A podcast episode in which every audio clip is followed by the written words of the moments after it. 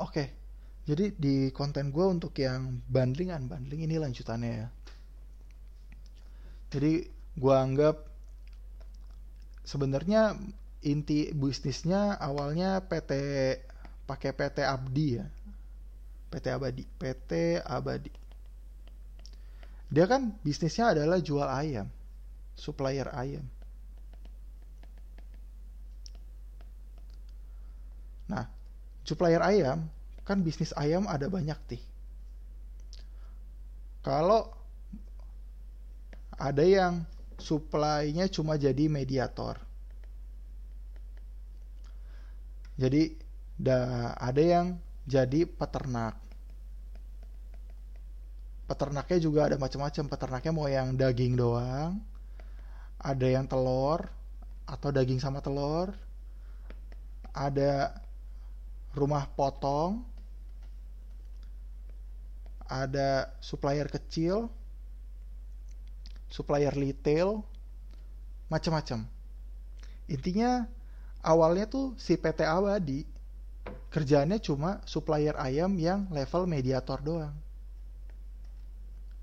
Gitu. Tapi lama-lama PT Abadi, ini gue ceritain ya, kondisi bundling sama unbundling ya.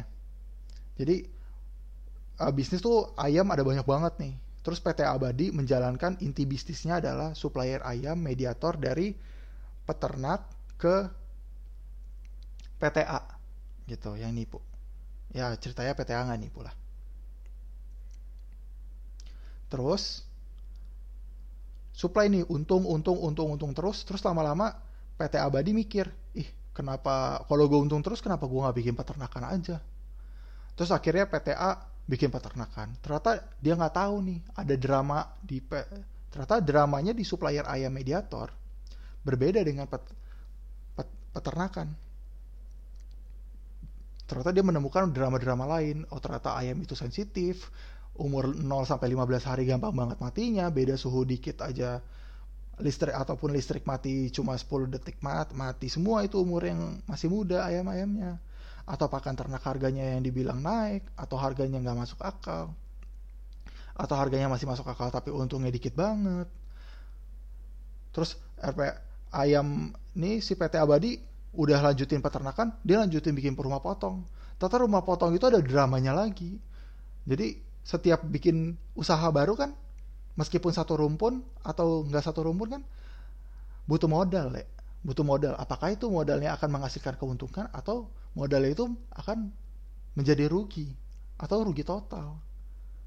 Ini masing-masing memiliki dramanya sendiri gitu.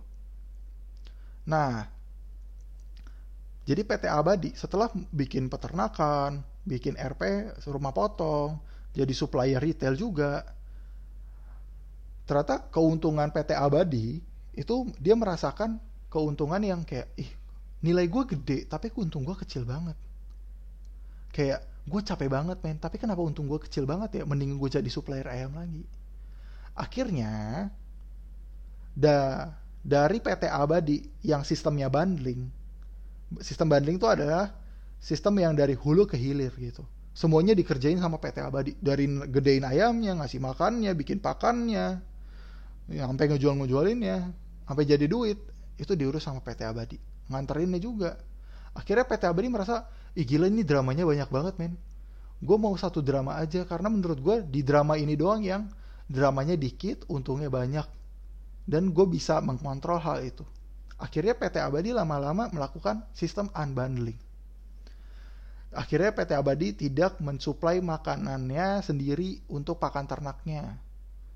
Dia ngambil dari Caron Pokpan ceritanya atau supplier lainnya. Jadi dia nggak, gua gua nggak mau capek mikirin jagung. Terus lama-lama PT Abadi mikir, ih ternyata lebih untung nggak jadi peternak karena peternak banyak dramanya. Akhirnya dia udah nggak bikin pakannya, dia udah nggak nernakinnya. Jadi gue langsung terima aja langsung beli aja ke, pet, ke peternak. Ayamnya speknya gini udah gue gak mau drama lagi. Ah tadinya dia mau jalan si PT Abadi masih ngejalanin rumah potong. Ih, ternyata rumah potong ribet bau macem-macem. Pekerjaannya suka ngambek gitu. Ah, gue lebih suka cuma supplier ayam aja. Akhirnya dicoret. Alhasil PT Abadi itu mengunbundling peternakan dan rumah potong. Dan tetap ngebundling dirinya sendiri ke main bisnisnya. Adalah supplier ayam. Dengan cabang tambahan adalah supplier retail. Gitu. Mungkin kalau di diri sendiri gitu ya pengaplikasian hidup gitu bukan bisnis mungkin lo bisa uh, gue bikin contoh yang lain gitu. Namanya Budi gitu. Budi awalnya hidup lifestyle punya mobil buat ke sana kemari. Karena buat transportasi lah intinya. Namun nyatanya Budi itu mobilitasnya tidak terlalu tinggi. Sehingga dia juga nggak butuh mobil-mobil amat. Dia naik gojek aja juga cukup sebenarnya. Kenapa Budi mau ngambil mobil? Karena mungkin karena ada lifestyle-nya doang atau tuntutan hidup gitu tuntutan peranan hidup gaya hidup gitu. Nah ya ya udah kalau kayak gini mah tuntutannya ya lu naik gojek aja. Tapi kalau variabelnya yang lain mobilitas tuh banyak keluarga besar lu lu suka keliling-keliling sama keluarga besar lu ya setelah ditimbang itu ternyata lebih mendingan gue beli mobil daripada gue mesen gojek atau gue nyewa mobil ya go ahead. Tapi ya ketika lu mikir ternyata kayak oh ternyata gojek aja deh.